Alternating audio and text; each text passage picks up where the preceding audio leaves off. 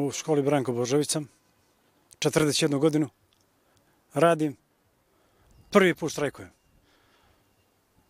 Kako je bila nastava u vašoj školi jutro? Da li je uopšte bilo... Bilo je nastave, bila su dva, dva časa i onda smo pustili djecu. Do kad mislite i kako... Pa ne znamo još, vidjet ćemo, zavisi od dogovora, ne možemo da dozvolimo da se neko sa nama ruga. I ovako smo došli na nulu, što se školstva tiče. Je li bilo nekih Eto, pritisaka da vršite... Pa, i nije.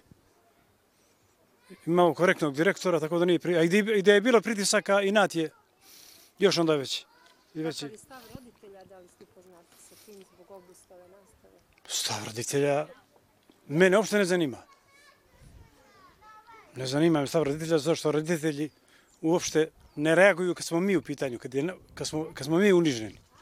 Kad je došlo vrijeme kada roditelji brane djecu od nas, onda vam je sve jasno. Čemu ide i školstvo i sve.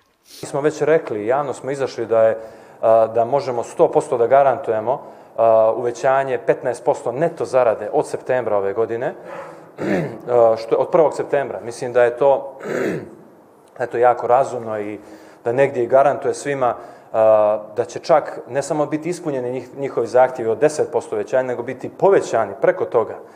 I zbog toga je meni malo nejasno zašto, zašto bi sada neko baš protestovao i zašto bi išao u štrajk, jer mislim da time samo gube djeca. E, ja sam javno rekao da neće biti povećanja ovaj bruto zarada na način kako je rađeno u prošlosti, jer je to potpuno uništilo sistem zarada, gdje vi imate mnoge nelogične zarade, između ostalog i u prosvjeti.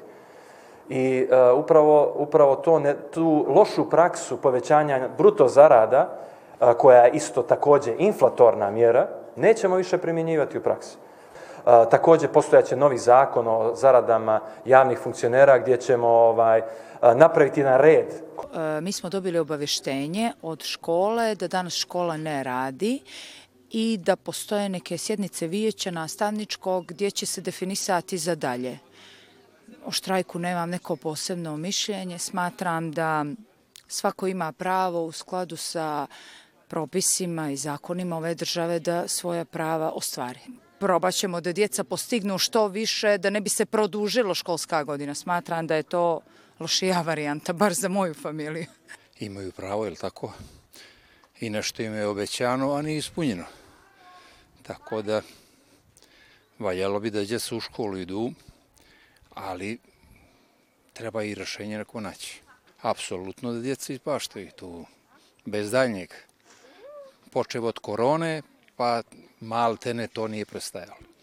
Ah, I ta varedna nastava, mislim, ta nastava putem televizora ili internet i tako to. treba naći način samo da djeca ne ispaštaju i da nisu ovaj van škole i po kafićima i po ulicama, tako da u svakom slučaju trebalo je naći rješenje.